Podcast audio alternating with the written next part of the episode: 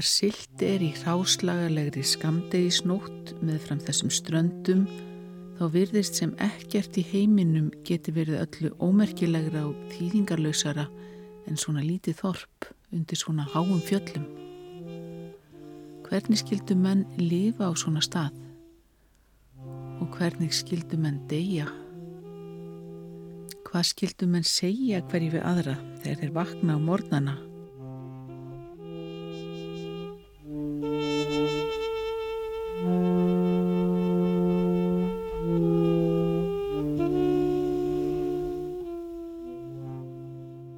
Salka Valka er vissulega skálsaga en fyrst var hún hugmynd að kvikmynd sem átt að fjalla um stúlku í buksum. Ég lendi, ég lendi í, í Los Angeles, Hollywood og var þar viðlóðandi í einn tvö ár og um, uh, þar var náttúrulega ómúlegt að komast hjá því að að, að, að blanda geði við uh, kvikmyndaheimin og uh, Salka Vaska til dæmis. Um, hún er uppálega skrifuð sem, sem filmhandrit.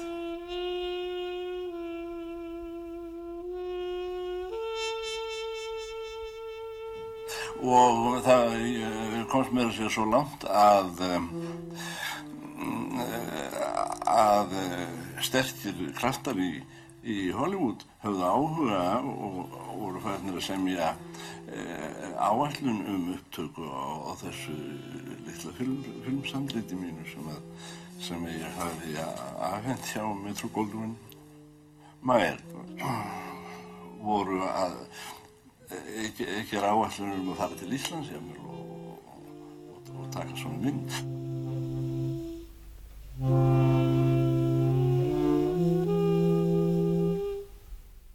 þá var Ísland miklu fjær Ameríku heldur en það er núna.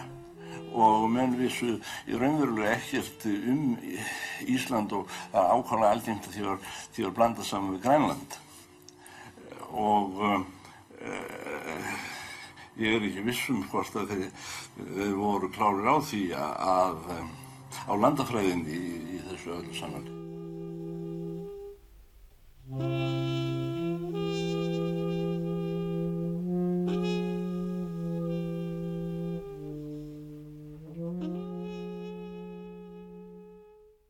Hér er sögúþráður bókarina saman tekin af Kristjáni Albertsinni úr rítámi sem byrtist í lesbók Morgunblansins.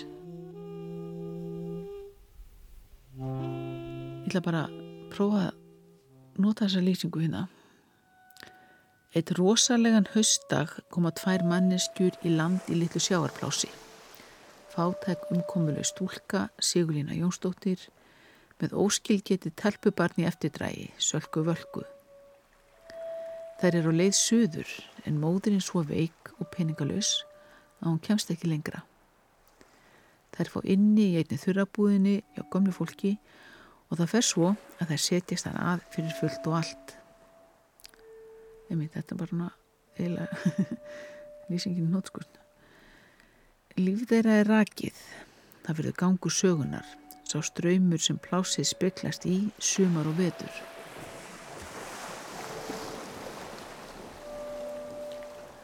Óseri við Axlarfjörð, lágkúrulegt þorp við úvinn fjörð millir hára fjalla.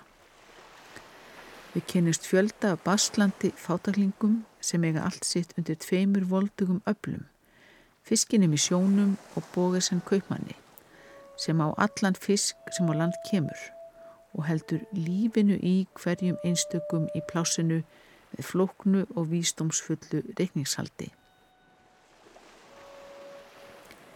En í síðari hluta sögunar kemur nýr sterkur aðili til skjálana, nefnilega fólki sjálft, verkalýsreyfing, kaufélagskapur.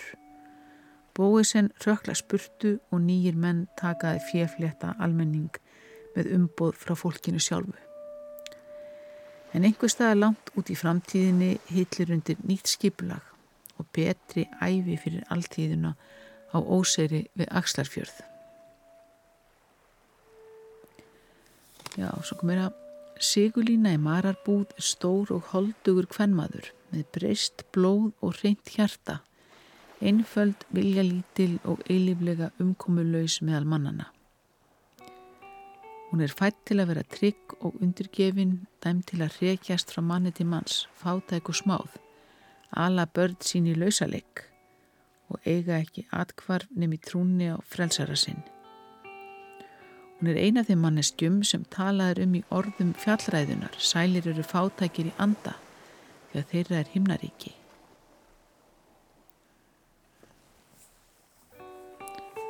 Býtu við, býtu nú við. Svo er eitthvað steinþór.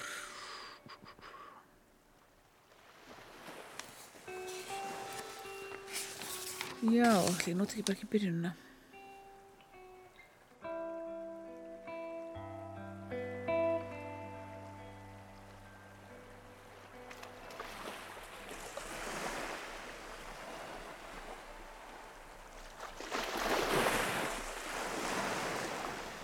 Fyrirluti bókarinnar Þú vín viður reyni kom í Veslanir í mars 1931 en svo síðari fugglin í fjörunni á 30. amælistegi skálsins 23. apríl 1932 fyrir um það byrj 90 árum síðan.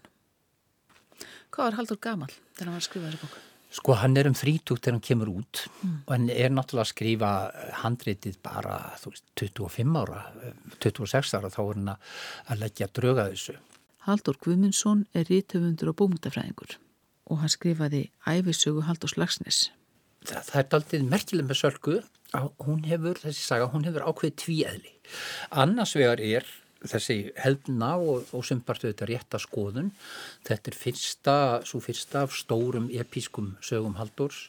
Hann hefur beðið ósegur í Hollywood, flytur heim í, í rétt fyrir jól 1929 og nú ætlar hann sér að skrifa stórar skaldsögur á íslensku sem hafa svona dæmigert dæmigerða tilhauðun þar sé að lítill heimur vísar út í stóran heim. Mm. og það er sagt frá fyrst í þorpinu það er sagt frá bondanum á heiðinni og það er svo skaldið í sínum þrengingum í heimsljósi, þetta eru stóru verk fjörða áratugarins sem er oft tekinn saman svona í kippu að þessu leiti en Salka er líka með annan þráð sem er emitt frá Hollywood og sem er partur af því hvað hún er stundum flippuð og svona óreiðukend og ekki, ekki ja, hófsum og, og kannski þessi frásöfn myndi benda til. Mm. Og við sjáum þetta í kvikmyndahandritinu sem Haldur skrifa 1928 og sem er fyrsta gerð Sölku Völku. Því að í henni er að vísu, það er fiskiþorpið og það er stúlkan sem gerur uppreist, stúlkan sem sem neytar að gangast inn á örlög kvenna eins og segir í handritinu og uh, neytar að fylgja þræði móður sinnar eins og auðvitað senna líka verður í sögunni. En það er um leið svona það sem núna myndi verið kallað sko kynusli uh, í, í frásögninni.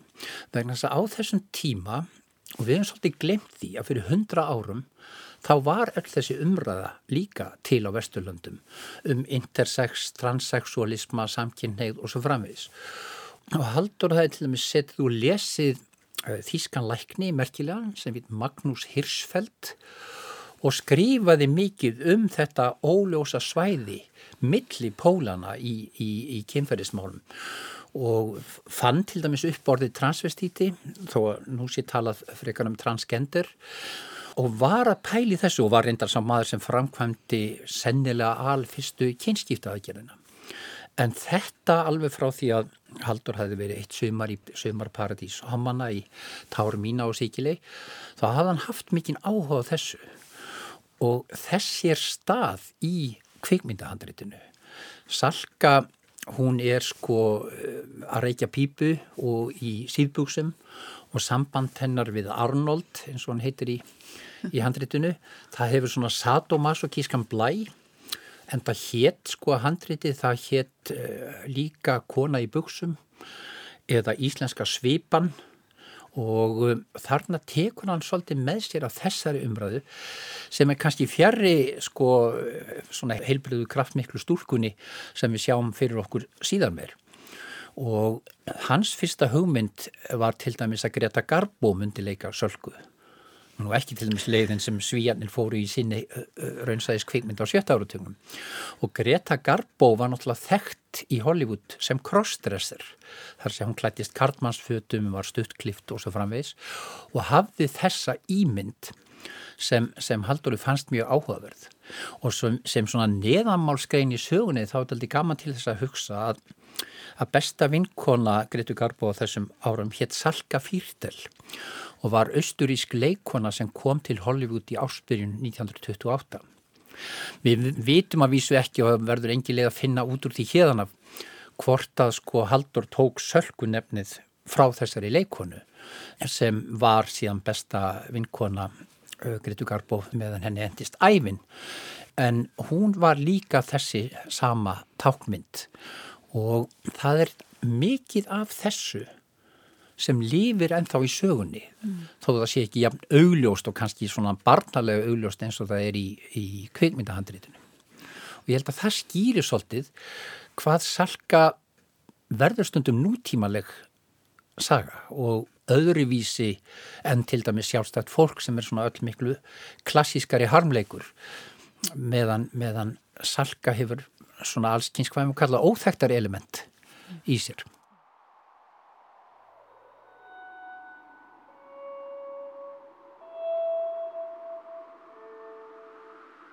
Við megum ekki gleyma því að þessi umræða mm. þó hann hafi auðvitað verið bældari þá var hún öll til á millistísárunum og svo hverfur hún er kæfð og, og, og bara drepin á fjórðáratögnum í, í, í fasismannum og nazismannum og kommunismannum en þarna á þessum tíma þá er ótrúlega mikið af þeirru umræðum sem við þekkjum núna að eiga sér stað. Mm. líka um ofbeldi og sannlega ekki sama meðvitundum þá og, og við sjáum núna. En, en menn vita samt af þessu og, og eru að skrifa um þetta. Og Haldur hafði sem sé ekki bara lesið Freud heldur líka mann eins og eins og hérna Magnús Hirsfeld sem, sem náttúrulega bara sætti ofsóknum, hann var hommi sjálfur og, og, og skrifaði alveg stórmerkilegar bækur um þessa hluti sem hafa núna verið að móta umræðina síðust tíu árum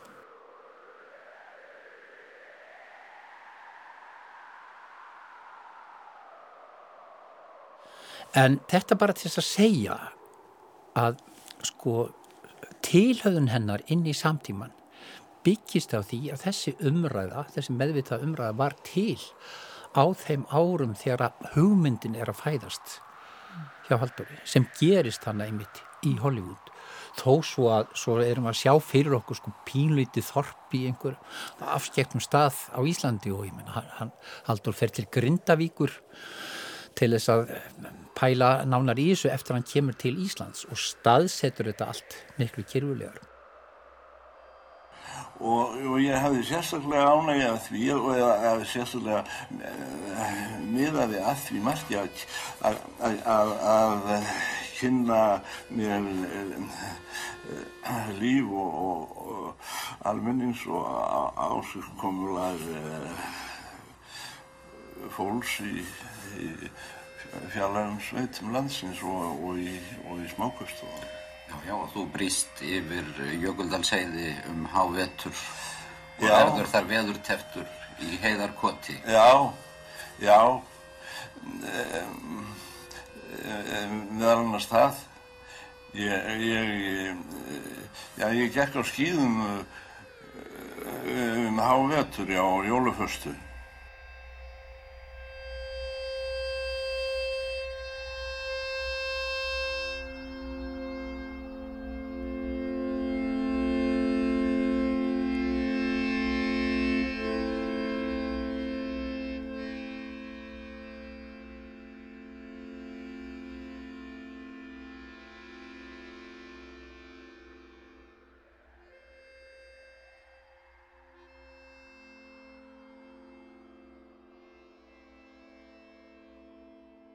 Sko ég man ekki nákvæmlega stundast að svona eins og þegar Díana dó. En, en ég man bara eftir að hún hafði alveg óbúslega sterk áhrif á mig mjög unga. Þannig að ég hef lesað hana mjög ung. Þetta er auður Jónsdóttir, rítöfundur. og, og bara fyrir mér eins og mörgum þá, þá hérna sko verður salka hún, hún lifir í manni og hérna sko það er þetta ofbáslega sjálfstæði sem er í henni. En það sem ég held ég að við heitla mig líka því að ég var frekar svona ólánlegur unglingur var þessi sterka típa sem var samt engin svona gella eða, eða svona eitthvað ofursætt. Hún var bara svo flottur karakter. Mm. held að það hafi dreigið mann svo aðinni og svo þetta skrítna samband hennar um mömmu sína sko, maður getur alveg séð endurómin á þessu bara ennþá í, í verkum í dag þetta, en þarna kemur þetta svo opaslega stert, þú veist ámar í rauninni mömmu mm. eða hérna er maður kannski bara algjörlega einn í heiminum á sínum forsendum mm. þetta er náttúrulega tengja unglingar við þeir eru einhvern veginn að brjótast út úr, úr foreldrahúsum og bara já, þetta inn í einstaklingin Þetta er kaplið það sem að salka vaknur upp við það að móðurinnar er horfin innan nóttina. Hvernig átt hún að vera búin að átta sig á því að hún og móðurinnar voru tvær stúlkur? Slík hugmynd var enn of mikil fjárstæða en það hafði hún ekki heyrt slíkt fyrir henni gerkvöldi Mamma og salka litla ennamömmu voru auðvitað eitt og áttu alltaf að vernda hver aðra frá öllu íllu eins og þegar hægri höndin verndar hérna vinstri. Það er eitthvað báðar sömu sög hún ætlaði að halla sér upp að brjósti móður sinnar að nýju en brjóst móðurinnar var horfið. Telpan reysi fyrir dogg og þreyfaði fyrir sér í rúminu við hlið sér en rúmið var tómt. Móðurinnar var farinn Stundarkorn horfið telpan út í myrkrið slegin lömun og ósjálfrátt mynduðu varir hennar sig til að kalla Mamma. Mamma.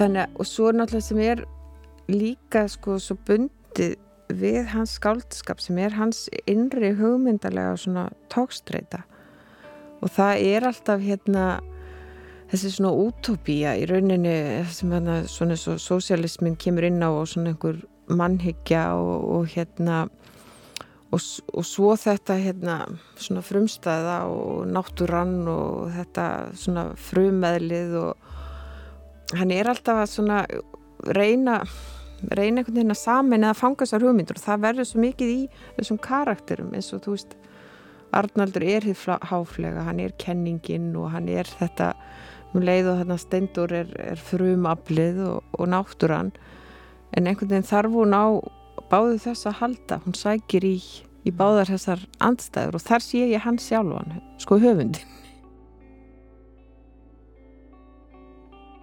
og það er náttúrulega líka þessi svona ótrúlega sko mörguleiti tragíska mynda af móðurinni Já, maður finnur svo til með henni sko eftir því sem maður er eldri er nefnilega líka auðvelt að lifa sér inn í hana og það er kannski munur náði að lesa sölku þegar maður er 17 ára eða þegar maður er komin yfir færtugt mm. að, ma að maður kannski verður líka á köplum áhuga samar um mömmuna mm. Einmitt. og bara hvað það hlýtur að vera baneitra fyrir hana eins og áhugi Steindors á dótturinni og, og hvað hún er áslös og eini lífinu og hérna einhvern veginn í svo mikill þrautagöngu eftir, eftir kærleikanum. En þetta er svona, svona eins og forspá að því að maður tekur hans sögu og sosialismans og kommunismans þá er svona eins og hann sagan sé inn í honum áður en að sjálfur atbyrðinni gerast og hann situr eftir með svona sína sína veruleikan eftir, eftir hann farir aldarinnar mm. hinn fagra hugsun sem reynist vera eitthvað allt annað mm. og hérna og svona þetta jarpundna versus hið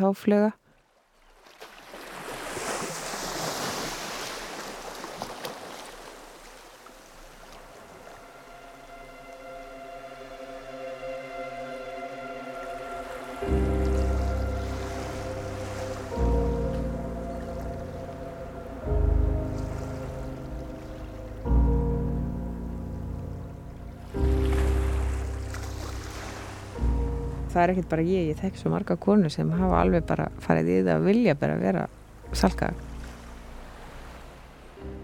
Mig langaði að vera salkavalka, mig langaði til þess að eignast bát. Þetta er Helga Rakel Rapstóttir, kvímdagerðakona.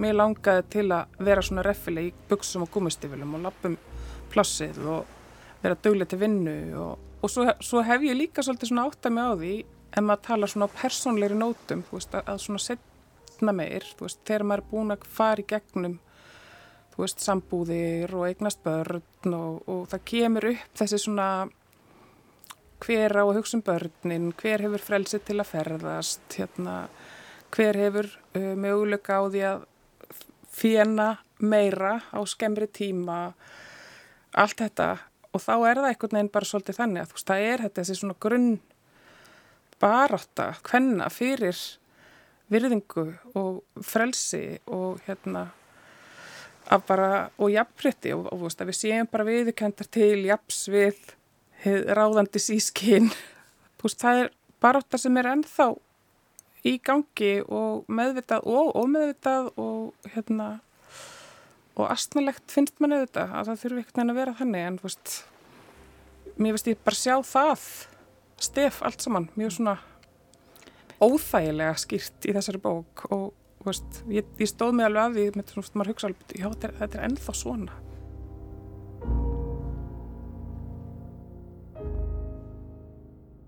Og sko mín fyrsta minning af sölkuvölku er frá því að ég er nýjára og bý með móðum minni í kellar í búðafólkagutunni í Reykjavík. Og það er vordagur og aldrei svo vant þá lág ég upp í hjáni og var með sko hérna tætnar á milli lærana kannast margir þetta svona notalegt augnablík og við erum eitthvað svona að hérna spjalla og hún er að lesa bók og bókin er salkavalka og hún les fyrir mig valda kabla og við liggjum að það svolítið lengi.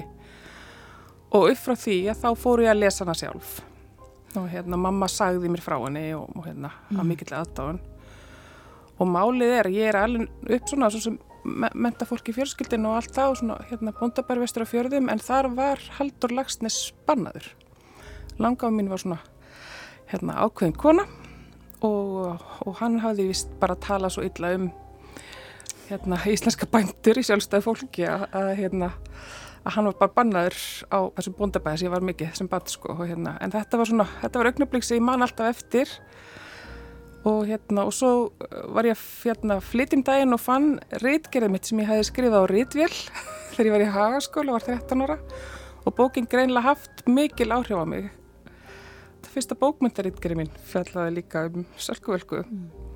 Og hvað varst að tala um í þessari rítgerð? Hún var fyrir eitthvað svona almenn eins og kannski mm. þegar maður er 13 ára mm. en hérna ég var svona meira svona aðlega kannski reykja sögúþráðinn mm. og svo talaði ég svolítið um í lokinu mitt hvers vegna ég hefði valið þessa bók og þar sæði ég frá sér minningu sko þegar mamma las fyrir mig upp úr bókinni og, og, hérna, og ég síðan stalst í hana sjálf og þetta var eldgamalt eintak mm. og við eigum það ennþá sko fjallan aðalega um Ritgerðin, sko, Sölkuvölku og Arnald kannski svolítið og, hérna, og, svona, og hvað hún væri sterk og, og svona og upp frá þessu varðum bara einhvern veginn samfæra mér í lífinu og, og svona fyrirmynd og kannski ekki mikið af svona sterkum fyrirmyndum í bókmyndunum þannig fyrir konur, búst fyrir utan Línu Langsók og Matatu Betu og hérna já, hún var mér bara alltaf einhvern veginn samfæra og búst á endanum skýrði ég dóttu mína Salvuru, yngri mm.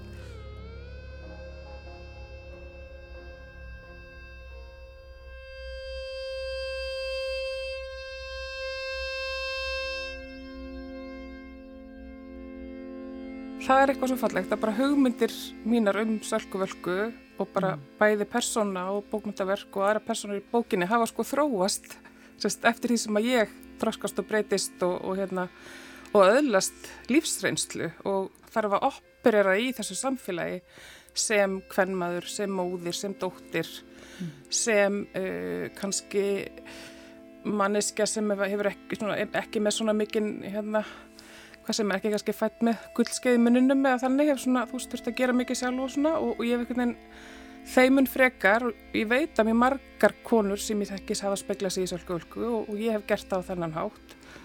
Svo fór ég í almenna bókundufræði upp í háskóla og tók áfengu Helgu Kress þar sem að hún fór aðeins yfir sölguvölku meðal annars og þá sá ég hana í nýju ljósi og, og þá færðist svolítið fókusin líka yfir á sko, fyrir mér var einna svona mikilvægsta sambandi í bókinni var sko Sigurlína og hérna og Salka Valka. það er svona þeirra, þeirra svona maðgna samband og þetta tragiska og, og feminismun náttúrulega, þú veist, ég meina maður horfir át út frá þeim sjónarhóli, þá er náttúrulega Sigurlína, hún er á leiðin í höfustæðin og hún drýfur ekki, hún er svo sjóveik hún þarf bara að fara út á óseri og mm. hérna, og auðvitað er þjóð, þjóðfélagsátilega og allt það en hún er sannarlega undir okkuð einstæð kona með barn og á ekkert í hennan heim.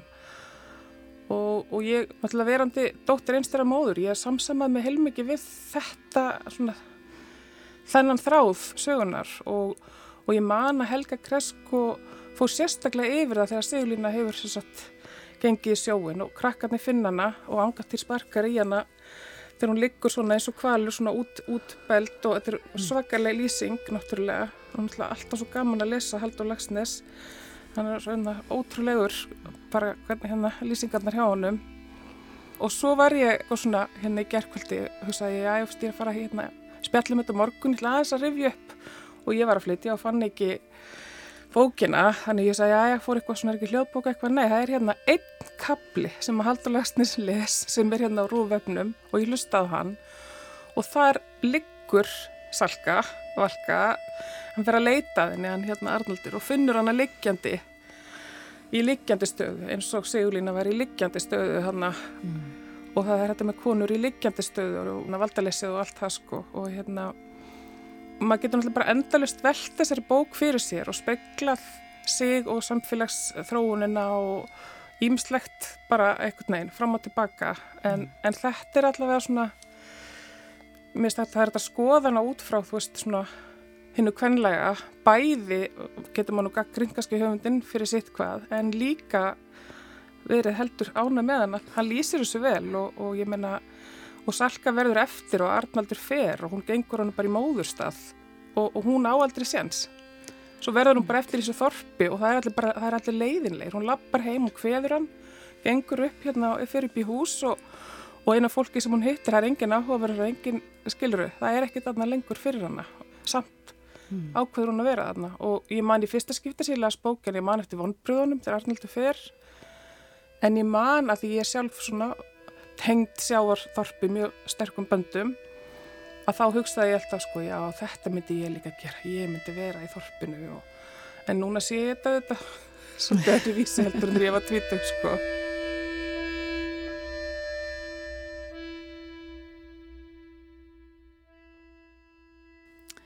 Ég man eftir því þegar ég var að lesa þetta þegar ég var, var úlingur mér fannst þetta einhvern veginn að það hlíti að verða þátti óbærilegt að vera kona og þurfa eins og maður upplýði eins og Sigurlínu sem var svona bara valdi auðvitað fátæktarinnar og sinna stöðu og allt það en svona líka bara þetta að vera valdi einhvern veginn þess að þú verðir að gifta þig og þú verðir að, að verður einhver kallmaður að vera til staðar til að sko, sjá fyrir þér þannig séð sko.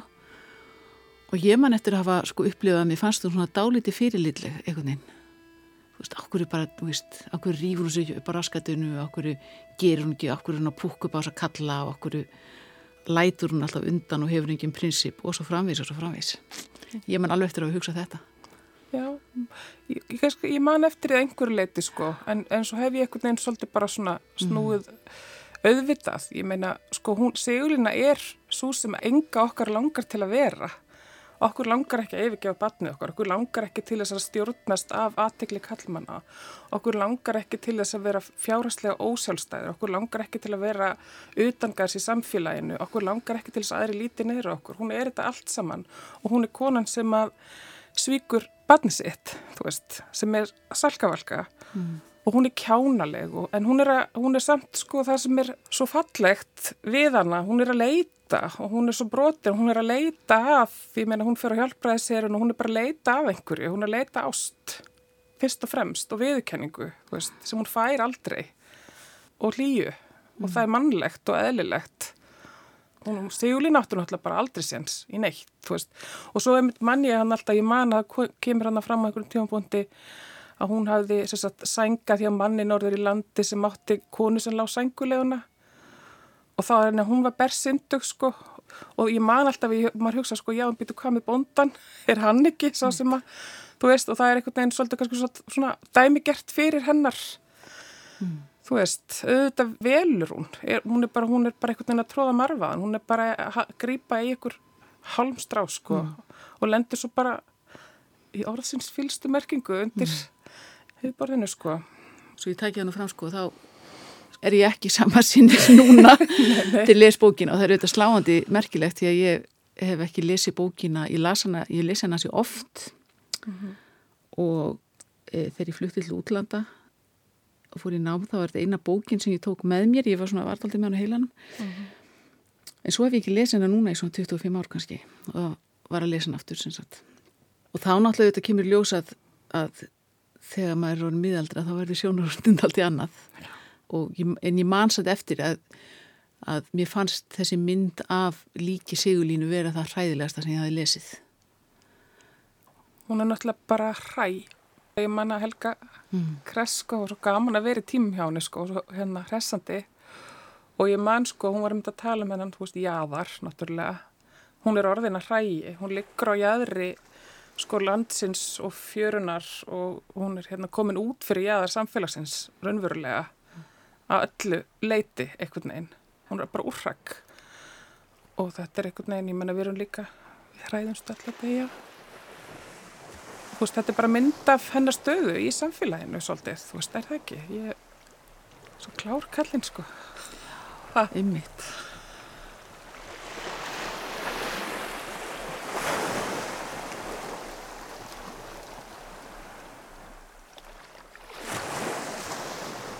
Er einmitt að það eru þetta sko, eru þessar vinstri sinniðu verkalýs hugssjónir en það er líka gert grínaðum sko. þessar hugmyndir þar passa ekki sérstaklega vel við raunveruleikan þegar á reynir. Sko þegar ég var 16 ára þá satt ég heima hjá mér og las týta greinir eftir teki vara það er minn bakgrunnur. Þannig að ég var ekkert, ég hló ekkert af þessum lýsingum þá en alltaf í dag þegar ég les hann þegar hann er að hérna, tala fallega til sölkuvölku og, og hérna og ætlar að gera hana að yfir mannesku samirkibúsin sem er alltaf að byggja hann inn í dal veist mm. ef, ef allt er fram að ganga veist þetta er náttúrulega bara veist auða mm. hjákottlegt og astanlegt Loftkastalar þetta er eitthvað sem er bara ennþá mjög áþrifanlegt held í okkar samfélagi þessi hugmyndum ríka kallin sem á plássið og mm. það er bara einhver svona mikrokosmos og allt stendur og fellur bara með einhverju kerfi sem hann hefur búið til yeah. og ég held að sé mörg pláss en þá þannig á Íslandi sem að eiga allt sumi fjölskyldunum og þakk og svo framvegs. Það eru bara þó nokkur þannig pláss og, og plássin sem er ekki þannig eiga kannski klíma við ákveðna tilvistakrísu, mm. kannski er Ísland bara þannig pláss og svo náttúrulega auðvitað allir þessi kallar sko í þessari bók sko það er náttúrulega bara þannig að það eru fáir svona dísent karlmenn í þessari bók og í raun og veru. Og hérna þeir eru ímist kjánar eða kom ekki vel fram. Menn sem eiga peninga og kom ekki vel fram. Menn sem eiga stundum pening og stundum ekki eins og steinþór. Og fara og yfirgefa og misnúta og, og nýðast og nota þetta líka sko. Já, eins og, eins og samband sölkuvölku og steinþór sem maður hugsa, ég menna, er, er þetta ekki sko samband sko ofbeldismanns og fornalamps af því það getur alveg verið þannig að þú uh, tengist sko þínum geranda á eitthvað undarlegan hátt, sérstaklega um tíma mm. þannig að það er kannski eitthvað sem hefur náttúrulega verið skoðað en, en þú veist ég maður svona veldir í fyrir sér og, og náttúrulega sérstaklega svona á þessum síðustu og vestu bestu hérna mm. uppgjurst tímum og hérna þetta er náttúrulega eitthvað svona þetta er svolítið svakalegt það sem á sér stað í þessari bók Al algjörlega sko. Þú veist, hún verður náttúrulega fyrir árás sem er talað um sem nögun og svo setna segist hann ekki hafa nögaðinu og við vitum aldrei alveg hvort er mm. en hérna, en hann hefur allavega gert eitthvað sem hann fyrir lítur sjálfan sig fyrir og letur sig hverfa og svo kemur hann aftur og svo letur hann sig aftur hverfa og mamminar styrti sér aldur og, og svo kemur hann aftur, þú veist, þetta er svona og hann, hann er oft svona skáld með eða svona talar í svona frösum og, og maður fyrir í hérna frasa mm. samtímans þá er þetta náttúrulega bara uppgjur við eitraða karlmennsku veist, þetta er alveg bara mjög svona kraftmikið þannig uppgjur sko og hann er náttúrulega bara fjallum alls konar stef sem við þekkjum bara úr lífinu og samtímanum og já, mm. veist, þetta er ekkit nýtt og nálni og ekki gammalt og einmitt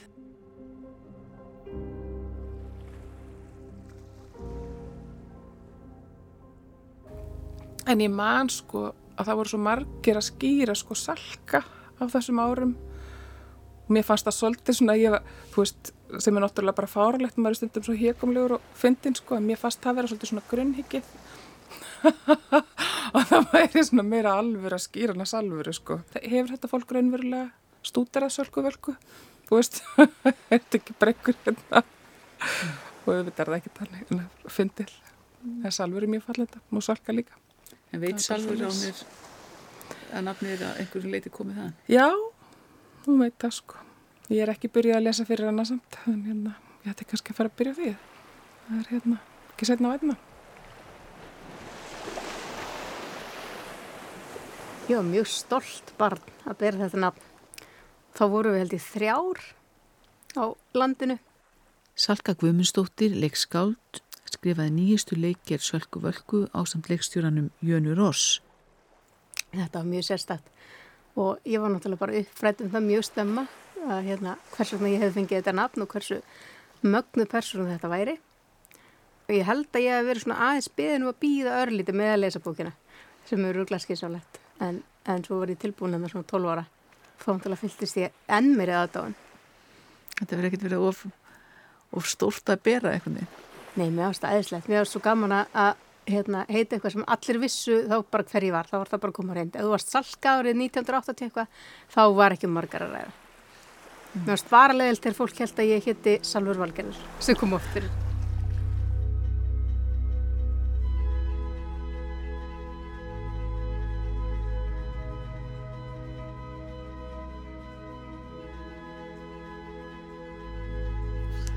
Við byrjum að vinna síningunum 2016 og hún er frumsýnd 2017 mm. eða öðru sitt, öðru hvort meginn þannig við ánumotinn 2016-17 og ferli liti Jana Ross, leikstöri sem er uh, einhver svona fjölþjóðlegasta mannarka sem ég þekki, hún er hérna rúsnesku mælandi fætti í lit á henn, flutti til bandaríkjana og er svona bara, hún er hérðan og þaðan sem er útrúlega, útrúlega skemmtilegt og hún hefur talsveit mikla reynslu af að leikira bæði um, skáldverkan ekki síður að gera nýjar útgöfur af þekktum klassískum leikusverkum og ferli varirinu er svolítið tvískipt. Að byrjaði með því að við fórum að kasta á milli okkar hlutum og liggja yfir, yfir bókinni. Hún uh, las hann á ymsundungumálum hún las rúsneska þýðingu, hún las enska þýðingu og málið er þar náttúrulega að þýðingar eru eru mis áreðanlegar þetta eru náttúrulega eldri þýðingar. Þannig að það þurfti hérna var svolítið, svolítið samanburður í gangi okkur, svona samanburð að vinna og svo sérst þegar við erum búin að vinna á hverju grunn handri tákjum leikópurinn og uh, Jana er þess að leikstöru og hún um, skapar síningar, hún hefur mjög sterk höfundarengir en hún skapar samt síninguna með, með leikópnum og það er mjög mikil virkni í leikópnum, allt ferlið Þannig að við vorum stanslust að við vorum að gera nýtt handrit á nokkur dagar fresti sem var mjög skemmtilegt. Það var kannski svona svolítið útgangspunkturinn eru þetta þegar maður gerir leikjarð að þú þarfst að finna hvar ætlar þú að setja brennipunktin. Þú ert ekki að setja upp bók, það er náttúrulega ekki hægt. Bók er bara er sjálfstætt listaverk og þú verður að skapa einhvers konar sjálfstætt listaverk. Og svolítið jafnvægislistin í þess þessu er held ég að á sama tíma gangast við bókinni, gangast við upprunalega tekstanum og skapa eitthvað nýtt þar sem, þú, þar sem er einhver tilgangur með því þú sést að setja bók á svið, það sé ekki bara þetta er svo aðeinslega góð saga eða allir elska þessa bók. Og það var gert svo litið með um, sko þeim meðlum leikúsin sem við höfum upp á að bjóða. Uh, að við bara gengumst við bókinni á kannski svolítið fjölbreyttan hátt. Við til dæmis ákvaðum að við eruðum að hafa rött höfundar inn í síningunni og hérna það var á endanum í því formi að við vorum með sögumann sem var á sviðinu í svona hljóðklefa uh, eins og hann var að taka upp bara hérna uh, voiceover fyrir kvikmynd. Og það var hinn ástæðileg Guðin Kolbensson sem er náttúrulega röttin sem við þekkjum öll og bara fáum sko gæsa húð þegar við heyrum að byrja að tala og þar gáttu við um, nýtt svona þessa ljóðrætni og oft þessa húmorísku rött höfundarins inni og sama tíma þá sagt, voru, þetta voru svona, það voru nokkur lög sem vorum að vinna með. Og það kom sérst til í önum mjög snærma í ferlinu hann að langaði til þess að við værum með eitt svona ytra lag sem væri fólk í uppsetningunni sem væri að fást við að sviðsita bókina í því tilfelli í uh, kveikmyndaformi þannig að það var sérst kveikmynd að gera fólk sem var að sviðsita bókina. Og þetta var eins konar leið fyrir okkur líka til þess að bara að svona um, kommenta og svolítið tjá okkur um ferli líka. Í þeim senum þar sem þetta kvikmynd að gera fólk er að, er að svona böglast með uppsetninguna á bókinu þá komum mjög oft hugmyndir og evasemdir sem hefur komið upp hjá okkur sjálfum í ferlinum leikar sem segja gummi góður ég er búin að leika svo mörgur svona verkfallsinum ég get ekki meir, þú veist þetta er alltaf eins mm. og hérna leikar að kvart yfir þeim hefði fundist erfitt að komast í gegnum bóknum og tvö og það verður svo mikið pólitík og hérna hvað varðum ástina og ástriðuna og, og hvers vegna er salk ekki með drengjakall stendur í bókinni mm. þannig að mér fannst þetta, þetta var mjög skemmtilega leið til þess að einhvern veginn viðurkenna að við værum við værum ekki bókin og við værum ekki einhver svona endanleg salka valka heldur erum við einhver hluti af einhverju svona ferðalagi allskynns listafólks í gegnum tíðina sem að tekst á við þessa sögu og ótrúlega ólíkan hluta að hátta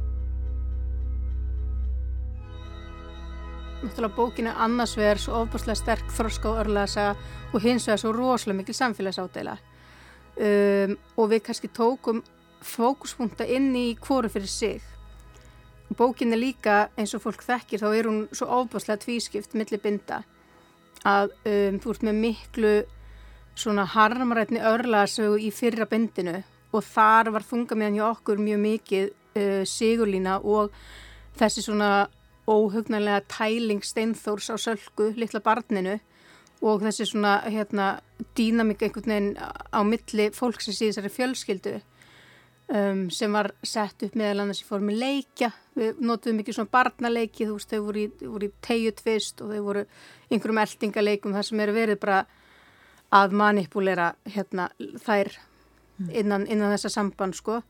Og svo er það tekur náttúrulega pólitíkin mjög mikið plás um, í setni bókinu og við, við fórum svolítið, við fókusuðum rosalega mikið á peningana og þá fórum við að leita hvar er, bara hvar er kapitalismin að byrstast í dag og þessi síning 2016-17 þá er þetta náttúrulega túrismin.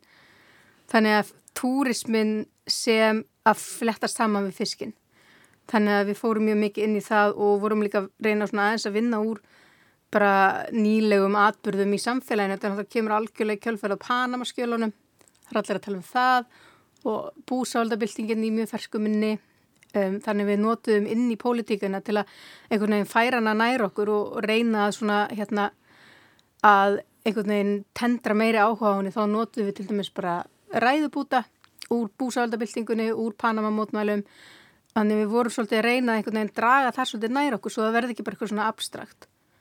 En svo eru auðvitað bara bæði á persónulega sviðinu og hérna eins og pólitíska þá er svo margt sem maður bara getur ekki tekið inn með þess að þá er þetta náttúrulega bara eitthvað algjörst sundurleysi og þú náttúrulega verður að taka ákvarðan eins og bara samin að personur um, sleppa einhverjum personum sem eru kannski stórfengleiri bókinni en bara eru ekki brennipunktur þessar síningar mm. og sama með pólitíkina og rauninni bara til dæmis eins og ég man að einhver sagði við mig bara já, hérna, ég saknaði þessu og finn ekki fyrir fátæktinni og örbyrðinni og það er náttúrulega eitthvað sem er svo stert í bókinni en það er til dæmis eitthvað sem við verðum að það var atrið sem við nánastustum að henda út á síðustu stundu vegna þess að það gekk ekki upp í því sem við vorum að reyna að gera. Mm. þó að það sé svo gríðarlega mikilvægt þáttur í bókinni.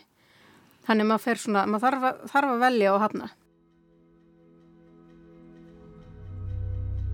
Því þetta er bók sem á svo mikinn sess og það er svolítið áhugavert að sjá hvaða sess hún skipar stundum. Og nú fyrir mig sem að las hana fyrst líklega 12 ára eitthvað svo leiðis og ég man að ég las hana og þá upplýði ég rosalega þessa romantísku mynd af Arnaldi. Og þetta finnst mér einhver mest afhjúpun þegar maður síðan kemur aftur á búkin og fullansörum og guðmið góður og þá er maður búin að hitta ótal Arnalda þessa hérna, blessuðu vinstri menn sem að einhvern veginn, uff, já. Og hérna, og mér var svo áhugavert að sumt fullar fólk sem ég talaði um síninguna hafði ennþá mjög svona svolítið svona rósið og fallega mynda af bókinni meðan ég að bara, uff, þegar ég lesa hana reynda líka sem unglingur en ekki síst sem fullarum manneskja þá bara, þú veist, grimdin og skeitingaleysið og all harkan í henni og, og það er eitthvað svona sem situr í mér og hvernig, hvernig þetta umhverfi margar þessa stúlku.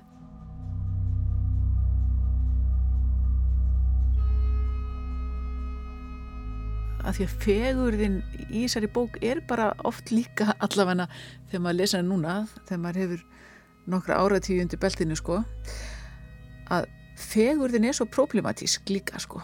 Því sem er líst oft sem fallegu í bókinni er byggt á grymt sko. Einmitt. Og við, við lókuðum einmitt síningunum með, uh, með því að loka litla barnið bókstaflega inni í klefanum þar sem sögmaðun hafi staðið lokuðum við barnið inni og Steinþór er inn í klefanum með henni mm. til að bara minna okkur á að veist, það er, hann er að lýsa skelvilegri tælingu misnókun á litlu barni þegar sagan hefst mm. og, og að þessi ljótleiki týnist ekki vegna þess að þetta er náttúrulega bara knýr þessa bók áfram mm. en það er úrslega auðvelt að gleima sér inn í kannski því sama og þær gleima sér inn í maðgurnar þú veist og hann er alltaf að koma og hann kemur eins og einhver árstíð einhver náttúru frumkraftur og allt þetta sko.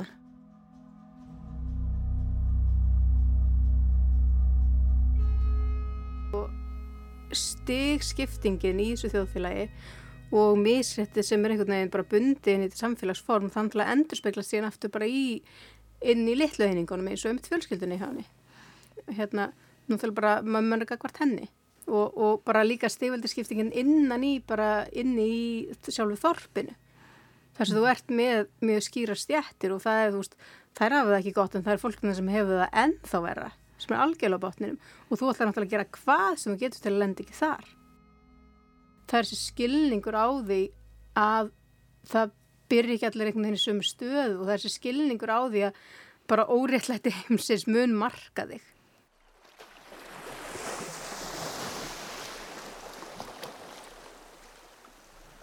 Og nú er krían farin.